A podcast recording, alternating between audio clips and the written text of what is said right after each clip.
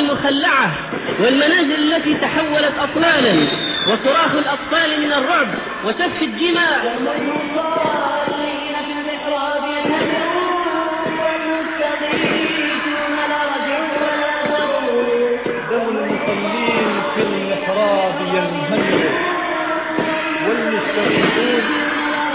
لا رجع أثر. والقدس في قيدها حسناء. عيونها في عذاب الجريمة الجديدة. مسلسل الأطفال والصغار سامي فتحي أبو جزر 12 سنة قتل برصاصة في جبهته. محمد جمال الزر 12 سنة. خالد باجيان 15 سنة. إصابة في الرأس الجريمة الجديدة. وما يحدث الآن من أنواع الإرهاب والبطش والجبروت. والجريمة وحرق المساجد والاعتداء على الأبرياء.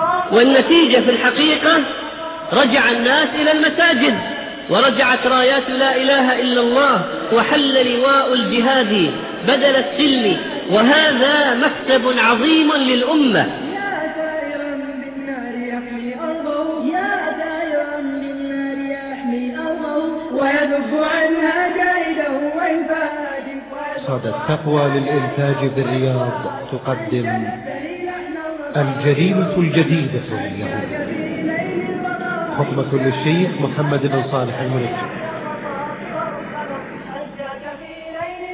إن الحمد لله نحمده ونستعينه ونستغفره ونعوذ بالله من شرور أنفسنا وسيئات أعمالنا. من يهده الله فلا مضل له ومن يضلل فلا هادي له. وأشهد أن لا إله إلا الله وحده لا شريك له وأشهد أن محمدا عبده ورسوله. عباد الله أيتها الأمة المسلمة يا أمة التوحيد وأمة العقيدة والإسلام وأمة الروابط بين أفرادها ويتوالى مسلسل الأحداث في أرض فلسطين مسلسل الأحداث الدامي ويتوالى إفساد اليهود ويتوالى الإجرام وتتوالى النكبات. لكي تثبت لنا نحن أمة الإسلام الحقائق القرآنية التي ذكرها الله عز وجل في كتابه. هذه الأمة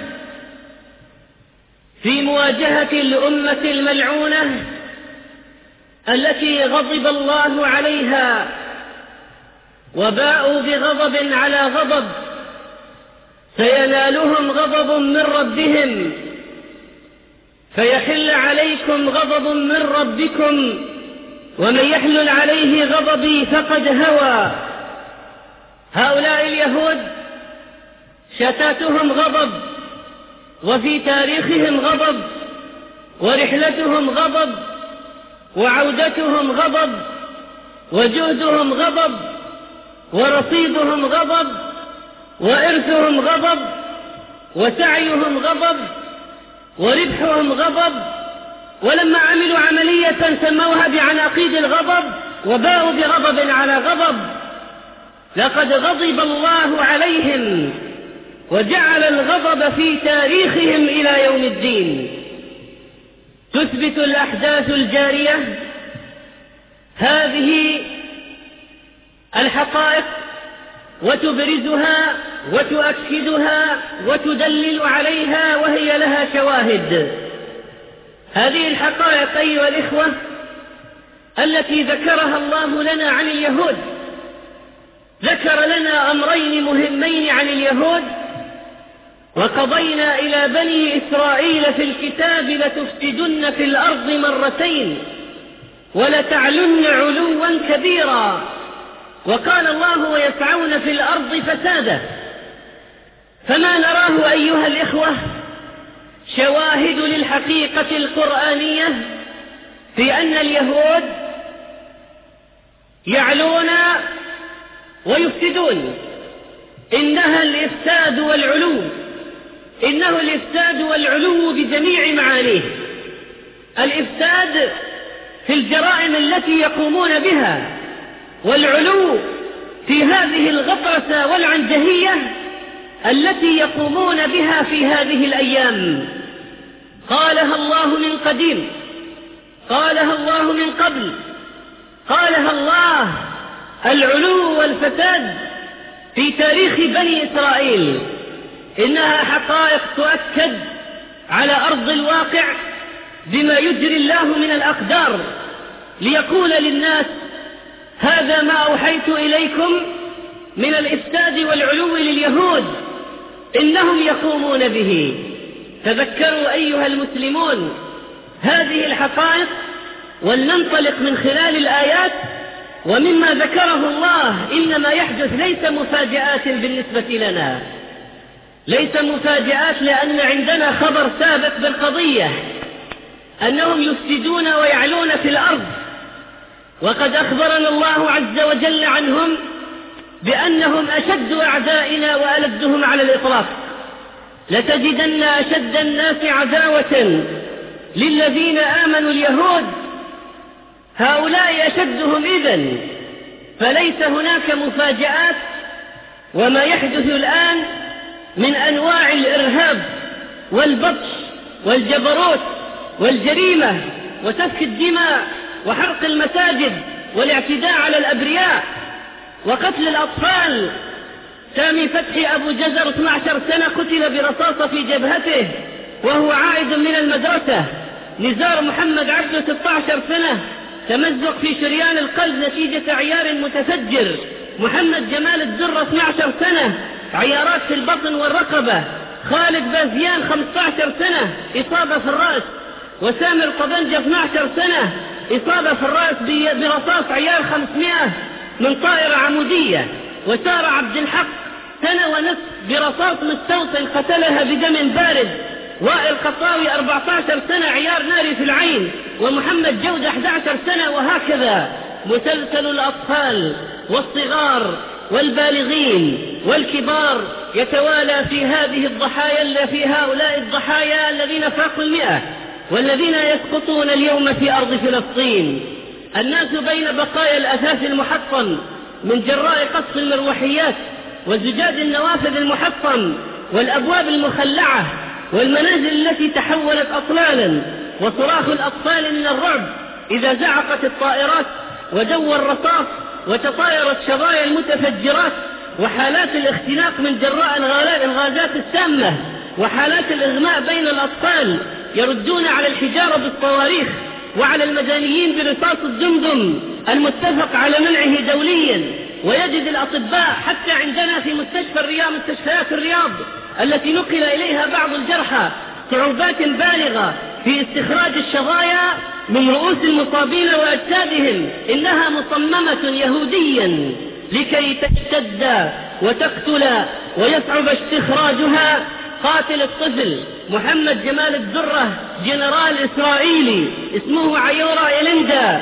قنابل إنرجا تلقى وتظهر كأنها بالية أو مستخدمة سابقا وعند لمسها تنفجر أي نوع من الكيد تراه وتفكر فيه فهو موجود وكانوا من قبل.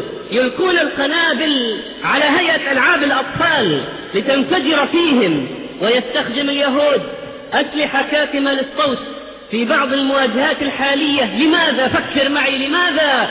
يستخدمون أحيانا أسلحة كاتمة للصوت لئلا ينتبه المسلمون المتجمعون لأصحابهم الذين يسقطون فيسعفونهم. ويستسقط الضحية بكاتم الصوت فيتأخر إنقاذ الجريح. اللهم إلا إذا تمكن من الزحف لإشعار زملائه. المستوطنون المستوطنون يهاجمون طلاب المدارس الابتدائية المسلمين وإحراق المساجد. مستمر. يقول والد أحد الأطفال لم أستطع إبلاغ الولد الراقد على السرير مضمد العين بأنه قد فقدها ولم أجر على إخباره بفجيعته.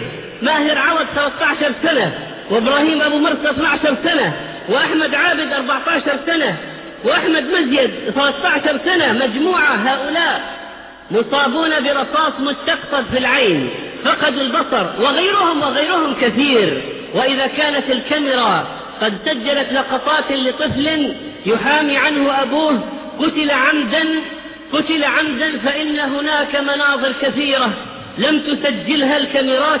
عباد الله أدركنا ووعينا واقعيا وعمليا معنى قول الله لتجدن أشد الناس عداوة لليهود. يقولون لنا الآن نحن أقوى منكم. وعندنا أكثر من مئتي رأس نووي وآلة حربية متطورة وترسانة هائلة وقد أعددنا لهذا اليوم فماذا ستفعلون؟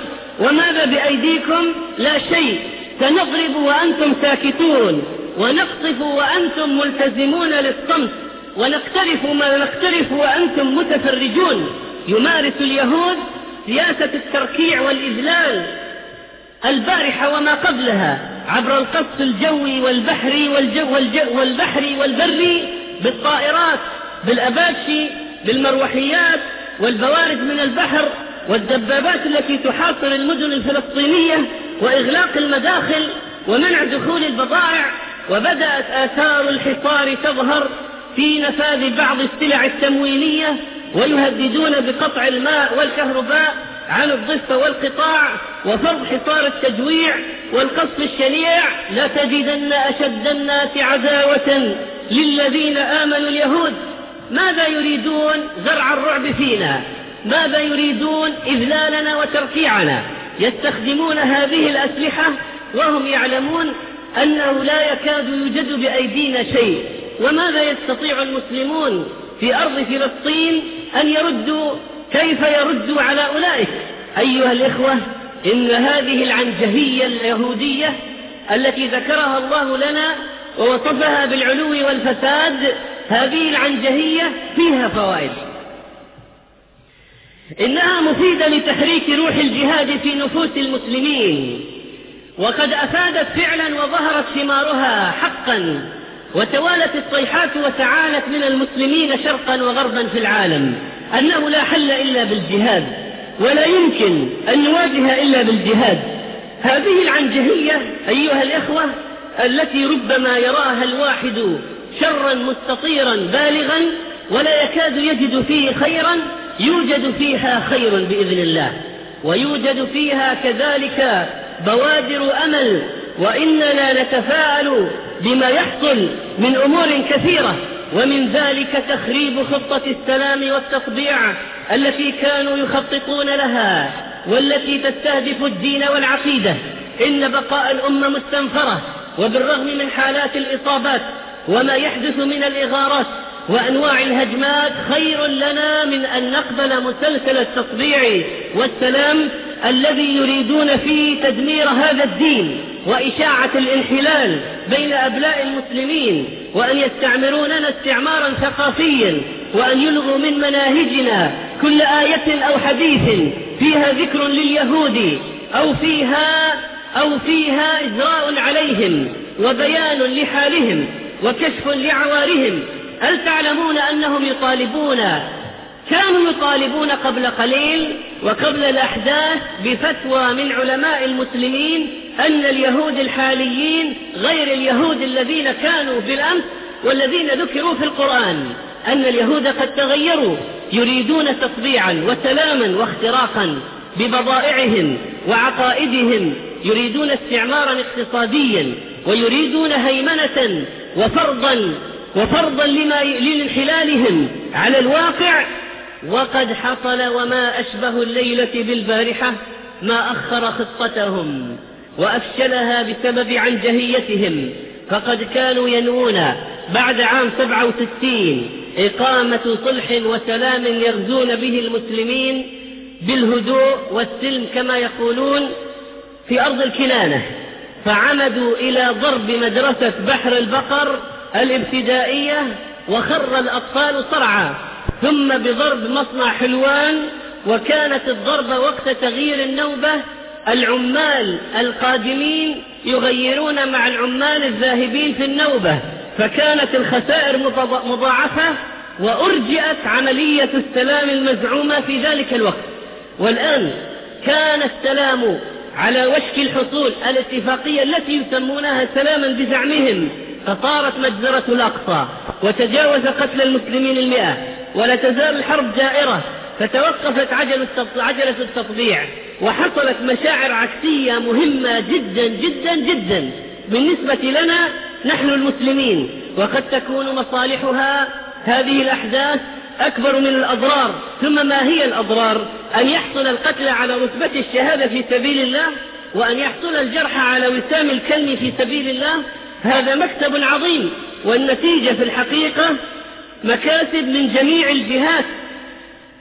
ولذلك فإن ولذلك فإن هذا السلم المزعوم قد تبين فشله وقد أرجئ وتأخر الشر العظيم الذي كان ينطوي عليه. عزف السلام فأطرب النمرودا والقدس أصبح هيكلا وحدودا والورد يخنق سحره بسذاجة من واله قتل الحياة وعودا. يا من يحاول غافلا أن يجتني عنب السلام بإصبع عنقودا. عنب السلام مخمر يا صاحبي. والنخل أضحى تائها عربيدا. والسيف يصدع والبيان مكمم. واليوم أصبح بلبلا غريدا. والمجرم السكران أمسى حاميا. والحق أمسى أعزلا وطريدا. والشرع يغرق في بحور ذوي الهوى. والعدل يحمل نعشه موؤودا. والشوق والحمل وال والعدل يحمل نعشه موؤودا والشوك يفرش في دروب ذوي النهى والصبر ينثر في الدروب ورودا. عبثا أحاول أن أخط مشاعري فالغدر يكتب للسلام عهودا والطفل يرضع بالتطبع منهجا. القدس يجمع مسلما ويهودا.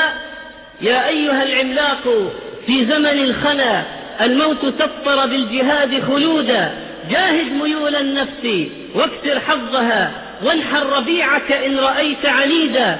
أطلق رصاص الليل وارقب فجره فجر بعزة مؤمن جلمودا واثقب جدار الصمت واكشف زيفه. حطم رؤوس الظلم والتلمودا في جنة الفردوس في ريانها تجد الشهيد مكرما وسعيدا.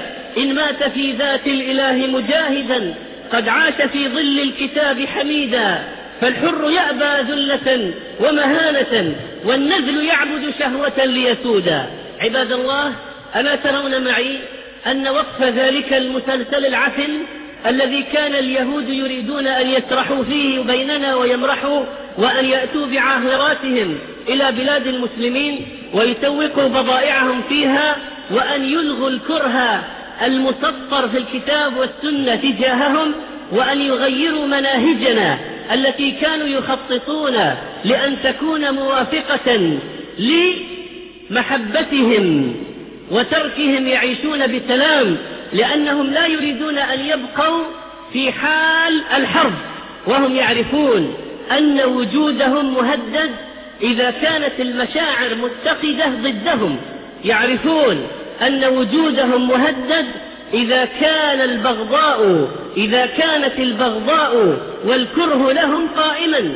ولذلك يريدون سلما حتى يخدروا النفوس ولا يجد المسلمون غضاضة. من قبول اليهود يعيش بينهم يمشي بينهم يبيع ويشتري معهم. لا ينظرون إليه على أنه منبوذ ولا أنه مغضوب عليه ولا أنه مكروه. كل ذلك تبخر في لحظات. الغاز والريحة الغاز والريحة تبخر الغاز وذهبت الريحة.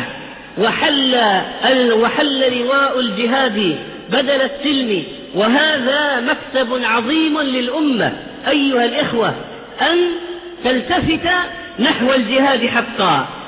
لقد زادت ألفة المسلمين ومحبتهم فيما بينهم نتيجة للأحداث. وزاد الارتباط بين المسلمين في الداخل والمسلمين في الخارج وعبر كثير من المسلمين عن شفقتهم وارتباطهم وعاطفتهم نحو إخوانهم. وهذا مكتب كانت الخطة أن تملأ أرض فلسطين كزنوهات وأماكن قمار وسينمات. فماذا حل الآن في الخطة التي بدأت؟ رجع الناس إلى المساجد. ورجعت رايات لا إله إلا الله. أيها المسلمون كانت رايات ترفع قومية ووطنية وديمقراطية وثورية. كانت أعلام كانت أعلام ترفع قد فرقت بلاد المسلمين. فترى الآن بين المسلمين في أرض فلسطين وغيرها أعلام مكتوب عليها لا إله إلا الله. هذا مكتب كبير جدا أن يحصل التلاحم بين المسلمين. وأن تذوب هذه الحدود التي فرقتهم وأن يشعروا أنهم أمة واحدة. هذا تدبير إلهي أيها الإخوة. هذا ليس تخطيطا منا. والله ما عرفنا ما عرفنا له طريقا. ولكنها قضية تفجرت بأيدي اليهود أنفسهم. وهكذا حصل. وازداد البغض وازداد, الكره لليهود من المكاسب. توقف عجلة التطبيع ولو مؤقتا. وكذلك هذا المسلسل من التعاون الذي يريدونه.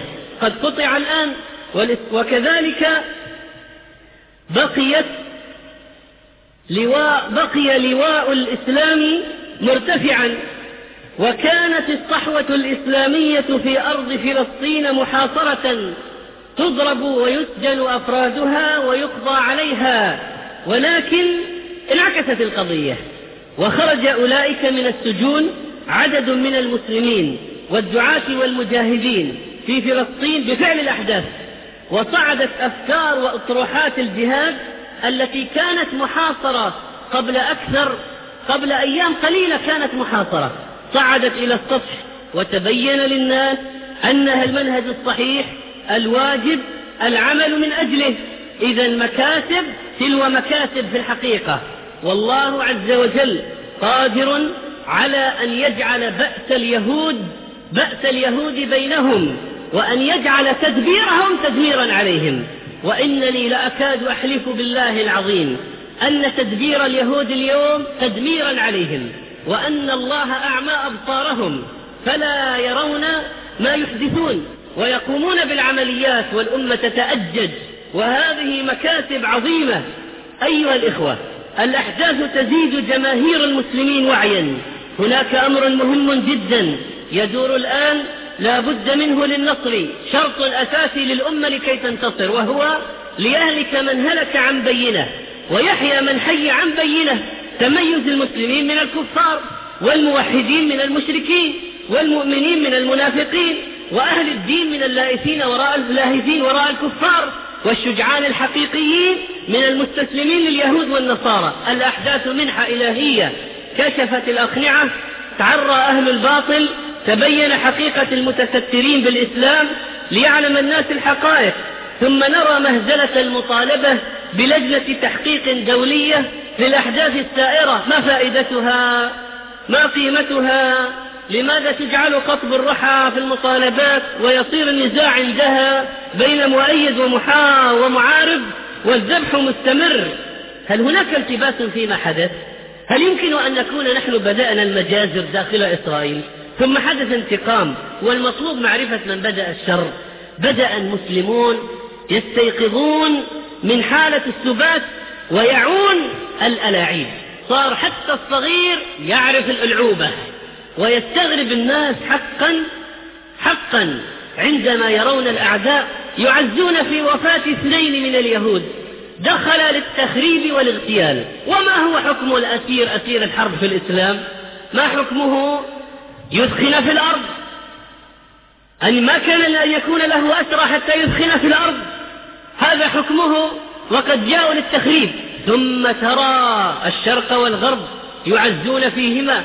ويستنكرون لمقتلهما ويقيمون الدنيا من أجلهما وترى الطفل الصغير من المسلمين يستغرب جدا ويضحك من هذه المهزلة التي تحدث. اثنان جاء للتخريب ثم يعزى فيهما ومئة وأكثر يسقطون أبرياء ولا قيمة لدمائهم ولا يعزى أهلهم. أيها الإخوة كون القضية تنكشف للأطفال وللناس وجمهور المسلمين العاديين هذا مكسب عظيم ازدياد الوعي في الأمة. اللهم انصر هذه الأمة. اللهم ردها إلى الإسلام ردا جميلا. اللهم عليك بأعدائك اليهود يا رب العالمين. اللهم إنا نسألك النصر العاجل عليهم وأنت على كل شيء قدير. وبالإجابة جدير أقول قولي هذا وأستغفر الله لي ولكم فاستغفروه إنه هو الغفور الرحيم. وأوسعوا لإخوانكم يسع الله لكم.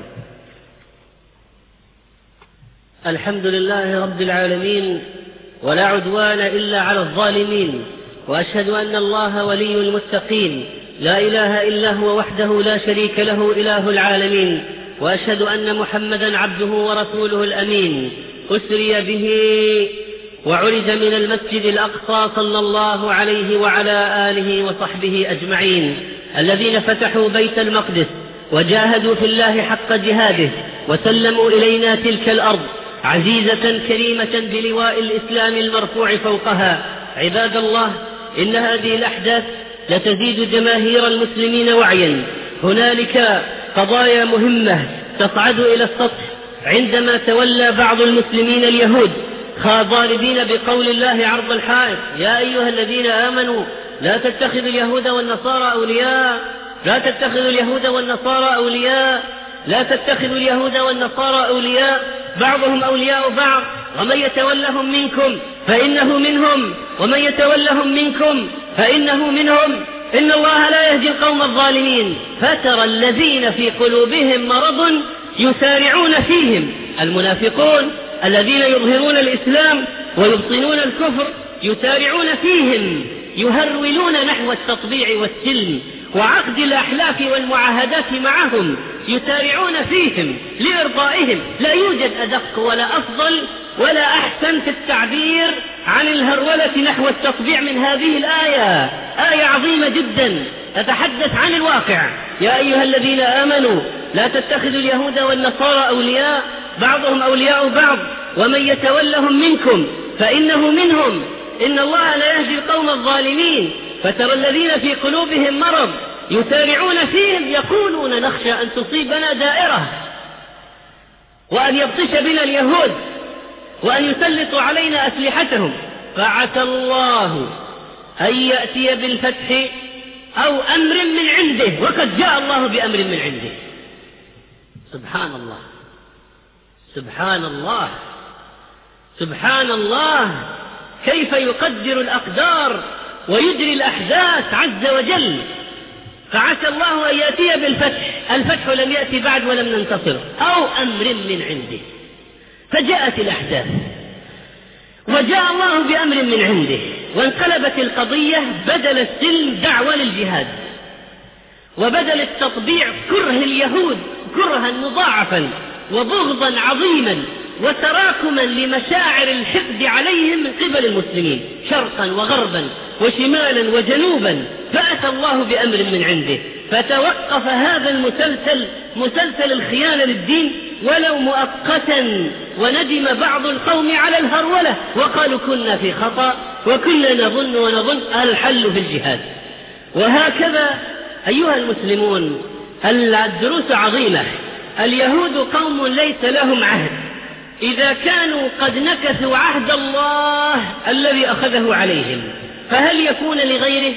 لقد أخذنا ميثاق بني إسرائيل وأرسلنا إليهم رسلا كلما جاءهم رسول بما لا تهوى أنفسهم فريقا كذبوا وفريقا يقتلون.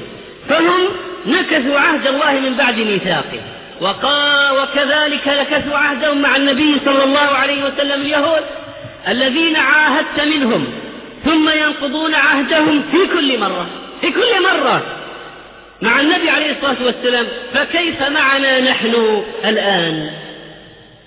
ينقضون عهد الله وعهد نبيه صلى الله عليه وسلم.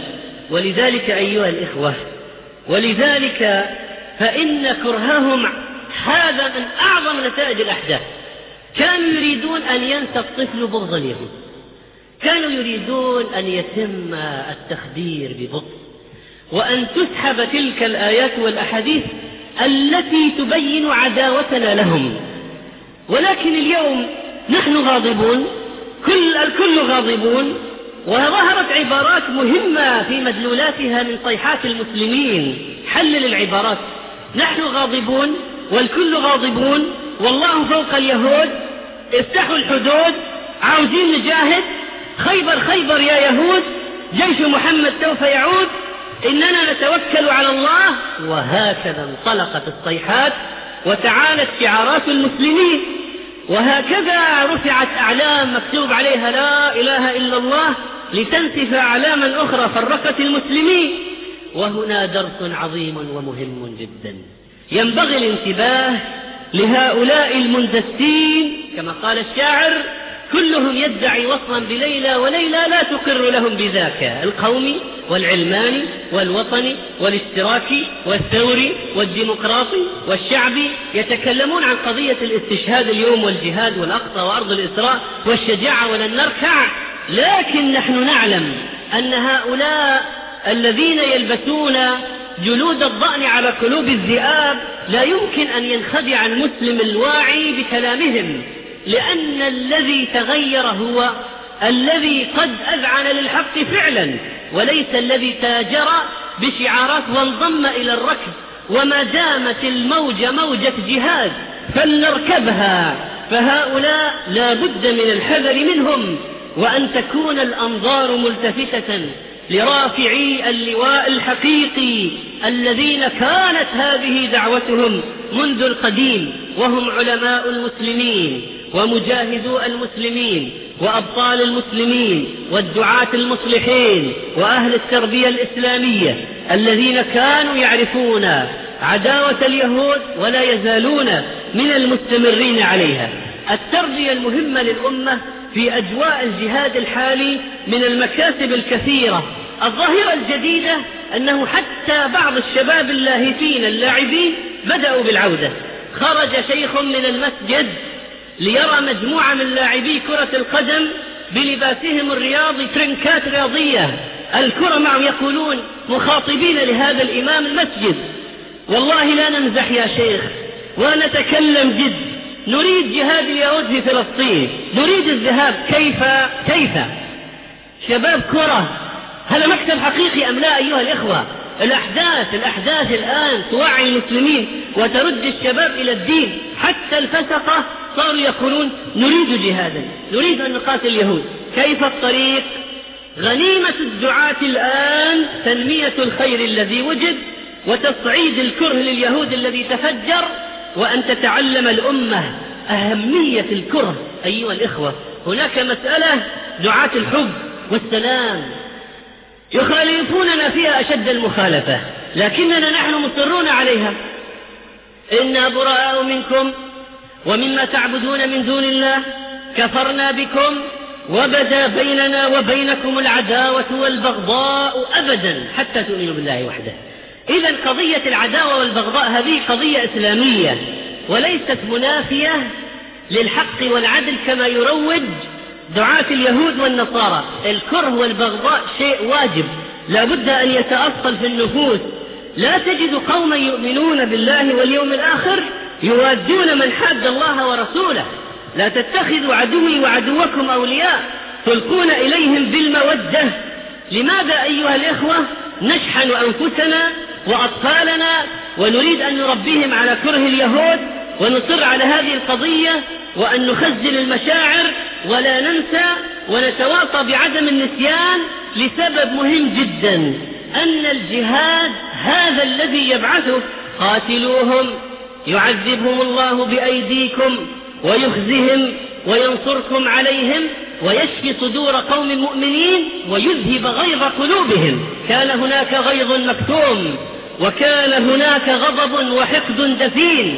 وكان هناك بغض وكراهية وهذه قضية وإن قال من قال من الذين درسوا النفس والعلم في بلاد الغرب ورجعوا يقولون نفسوا لا يمكن أن ننفس أيها الإخوة كيف ننفس؟ إننا ليست أمة تنسى دائما وتقبل النسيان ولسنا, ولسنا نرضى أبدا بمرض ضعف الذاكرة أو فقدان الذاكرة ولذلك من المهم اختزال الكره. في نفوس حتى الأطفال. في هذه المرحلة صحيح أننا غير قادرين على المواجهة بالقوة. ليس عندنا ما يكفي من السلاح. الأمة لم تتوحد بعد والجهاد يحتاج إلى قيادة راشدة على منهاج النبوة. وهذه قضية تحتاج إلى أوقات. أنفق, عز أنفق نور الدين وقتا طويلا في توحيد الأمة. وكذلك صلاح الدين قبل أن يقاتل الصليبيين. قهر الفاطميين وجاهد أولئك المنتسبين للدين. لما ذهب النفاق والدعوات الهدامة والرايات التي تزعم الإسلام وتوحدت الأمة بعد ذلك اتجه لتحرير المسجد الأقصى بعد واحد وتسعين سنة. فالقضية نحن نعلم أن أمامنا مشوار طويل. ولا نقول لأنفسنا بأننا غدا وغدا السبت سوف ننتصر. وأن, وأن نرمي اليهود في البحر نحن نقوم الموقف تقويما جيدا. ولكن نحن نخزن الآن. نخزن من الأحداث القوة الدافعة للإعداد للجهاد وتربية الأمة ترك المعاصي الرجوع إلى الله رفع راية لا إله إلا الله نبذ الرايات الأخرى وإسقاط الرايات الأخرى. ومع ذلك فإننا ندعم إخواننا المسلمين في فلسطين وغيرها. بما نقدر عليه بالجهاد بالمال دعم نفسي مواقف الدعاء ونحو ذلك من الأنواع. ثم من قال إن اليهود لا يعانون شيئا. إنهم يعانون إن تكونوا تألمون فإنهم يألمون كما تألمون. الفرق ترجون من الله ما لا يرجون. لماذا إعلان تشكيل حكومة طوارئ الآن؟ معنى ذلك أنهم يعيشون حالة طوارئ فعلا بالرغم من أسلحتهم. فجأة تسقط التهم عن النسل ويبرز ويعود لأداء الأدوار القيادية ويقول معبرا عما يعيشون بعبارة بليغة نحن نعيش حرب وجود لا حرب حدود يقولها قاد من قاداتهم نحن نعيش الآن بالحجارة بالزجاج. بالحجارة يقولون نحن نعيش حرب وجود لا حرب حدود. والدهشة تعلو قادة العالم من تفجر المشاعر الإسلامية بين الشعوب الإسلامية. حتى صرحوا صرحوا تصريحات عجيبة. قالوا إن هذه المشاعر الغاضبة تجاه اليهود خطيرة جدا لو استمرت. خطيرة جدا ولو استمرت. وعند اليهود خطط عسكرية تفشل. ولا أدل على ذلك من هذه الحادثة القريبة التي صارت بالأمس من وحدة وقعت في الفخ أو وفق الله بالقبض عليها حتى هجمت جموع المسلمين الغاضبة عليهما طعنا بالسكاكين حتى الموت. ثم يقول وزير دفاعهم ما حدث لا يمكن غفرانه. أنشأنا دولة حتى لا يتعرض اليهود للقتل ولم ننشئها ليقتل اليهود. وقد قتل بعضهم. ونجيب نحن بل أنشأتموها لتكون مقبرتكم بإذن الله. وتجمع فيها شتاتكم حتى لا نتعب نحن بعد ذلك في تعقبكم في الأرض. والسير وراءكم في البلاد المختلفة وإنما حتى نجدكم أمامنا جاهزين للذبح بإذن الله. اليهود يا إخوان فيهم صفة مهمة أخبرنا الله عنها بقوله ومن القرآن ننطلق دائما ولتجدنهم أحرص الناس على حياة يود أحدهم لو يعمر ألف سنة. وما هو بمزحزحه من العذاب أن يعمر؟ لما نزل قول الله عز وجل قل إن كانت لكم الدار الآخرة عند الله خالصة من دون الناس فتمنوا الموت إن كنتم صادقين. قل يا أيها الذين هادوا إن زعمتم أنكم أولياء لله من دون الناس فتمنوا الموت إن كنتم صادقين. ولن يتمنوه أبدا بما قدمت أيديهم والله عليم بالظالمين. وفي الآية الأخرى ولا يتمنونه أبدا بما قدمت أيديهم والله عليم بالظالمين. قال ابن عباس رضي الله عنه لو تمنى يهود الموت لماتوا. أملهم الوحيد الحياة ويعلمون ماذا ينتظرهم بعد الموت بما قدمت أيديهم. يعلمون ماذا ينتظرهم. وهذه الصفة في اليهود مهمة جدا في معرفة نفسياتهم ومواجهتهم حريصين جدا على الحياة. لا يريدون الموت أبدا ولذلك يتعقدون نفسيا إذا مات واحد فقط. أما نحن موت الواحد من المسلمين يشعل البقية. وتقديم الدماء الإسلامية هو الذي يشغل المحرك ويحرك. وأما اليهود إذا صار عندهم موت يصابون بإحباط شديد. وهذا فرق مهم بين الأمتين. فرق نفسي قد أشار إليه ربنا في كتابه. أيها الإخوة إذا العمل على استنقاذ ما يمكن إنقاذه والدعم للمسلمين الذين يواجهون ببسالة ويقدمون دماءهم وأرواحهم في أرض فلسطين بجميع أنواع المدد الممكنة وكذلك تربيتنا لأنفسنا على بغض هؤلاء واختزال المشاعر المتولدة من هذه الأحداث قد لا تستمر قد تهدأ الأمور وتعود الوتيرة إلى ما كانت عليه ويرجعون للطاولة كما يقولون. ويوقعون ما يوقعون. لكن الحدث هذا لن يمر بسلام أبدا. بمعنى أنه قد حفر في نفوسنا أخاديد عميقة. امتلأت بالمطلوب للمواجهة. وبالكره ولذلك لا يمكن أن نقبل بحال من الأحوال. يهودا يتمشون بيننا ولا أن ولا أن نعاشرهم ولا أن نتعامل معهم. ولا أن نرضى بأقل القتل لهم على ما فعلوا في بلاد المسلمين ولأبناء المسلمين. ثم أيها الإخوة العودة إلى الله التوبة من الذنوب الرجوع إلى الدين رفع راية الجهاد تربية الأمة على الجهاد إحياء مشاعر الأمة التي نام الكثير منها في مستنقعات الترف والملاهي والألعاب والمعاصي والسفر والسياحة المحرمة ونحو ذلك. ثم يشعر الإنسان بلذة الإنفاق في سبيل الله. ونشعر بفوائد كثيرة ونحمد الله عز وجل على ما قدر والله عز وجل يقدر أمورا قد نظنها شرا وفيها خير عظيم. لا تحسبوه شرا لكم. بل هو خير لكم. إننا لنرى بشائر النصر أيها الإخوة من خلال الأحداث وإننا لنرى كيف يعيد الله الأمة إلى صوابها كيف يعيد الله الأمة إلى دينها كيف يوحد الله الأفراد والجماعات في هذه الأمة وكيف يعرف الله الأمة بأعدائها حقا وكيف يكشف الله المنافقين. مكاسب عظيمة تتوالى. إذا المسألة تحتاج إلى دعوة. وتربية مزيد من التربية أيها الإخوة ومزيد من العودة إلى الدين وتطبيق شريعة رب العالمين. اللهم إنا نسألك في مقامنا هذا في يومنا العظيم الذي يكرهه اليهود واليهود يكرهون يوم الجمعة. والنبي عليه الصلاة والسلام أخبرنا أنهم يحسدوننا على يوم الجمعة. فنسألك اللهم بعزك الذي لا يضام وبملكك الذي لا يرام ونسألك يا رافع السماء بغير عمد ويا منقذ المسلمين بالمدد. نسألك يا أرحم الراحمين وأنت على كل شيء قدير. يا عزيز يا جبار يا منتقم من الكافرين. نسألك إلهنا أن تنصر الإسلام والمسلمين وأن تذل اليهود المجرمين والنصارى الحاقدين. وسائر المشركين المؤازرين لهم. اللهم إنا نسألك أن تجعل بأسهم بينهم فرق شملهم وشتت جمعهم واجعل دائرة السوء عليهم اجعل تدبيرهم تدميرا عليهم. اللهم أقم علم الجهاد واقمع أهل الزيغ والفساد والعناد وانشر رحمتك على العباد. اللهم آمنا في أوطاننا وسائر المسلمين واجعل بلدنا هذا آمنا مطمئنا. رخاء سخاء حربا على أعدائك سلما لأوليائك. اللهم إنا نسألك أن تغفر لنا ذنوبنا وأن تتولى أمرنا. اللهم استر عيوبنا واخذ ديوننا. اشف مرضانا وارحم قتلانا. اللهم اجزهم بش- بمرتبة الشهادة الجزاء الأوفى. إنك على كل شيء قدير.